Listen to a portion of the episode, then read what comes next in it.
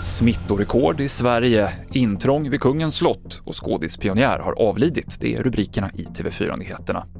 Ja, vi börjar med att berätta att två kvinnor tog sig in på ett område vid Drottningholms slott idag, där obehöriga inte får vara.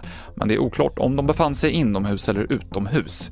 Två kvinnor i 20-årsåldern är hur som helst misstänkta för brott mot skyddslagen, skriver polisen på sin hemsida.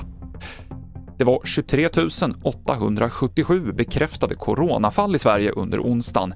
Det är den högsta dygnssiffran under hela pandemin. Både under tisdagen och igår, torsdag, så var det omkring 17 000 nya fall. Och nästan var femte person i Sverige som testade sig för covid-19 förra veckan var smittad, rapporterar SVT.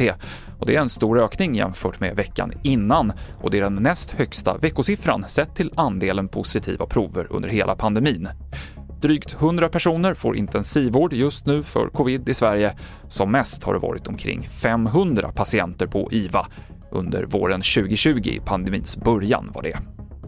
Det har skett många trafikolyckor under dagen. Det är hala vägar i Svealand och de västra delarna av Götaland som bidragit. Fyra personer skadades i en olycka i Härryda. En person fördes till sjukhus med ambulanshelikopter efter en frontalkrock mellan Skara och Lidköping. Och en annan frontalkrock skedde norr om Enköping. Det berättar Tobias Alén på polisen om. Ja, men strax före klockan 11 på förmiddagen så får vi in ett larm om en trafikolycka i Enköpings kommun på länsväg 558.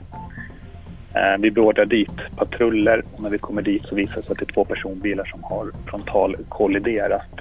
Eh, fem personer inblandade i olyckan, samtliga fem har förts, med, har förts till sjukhus, en av dem med ambulanshelikopter.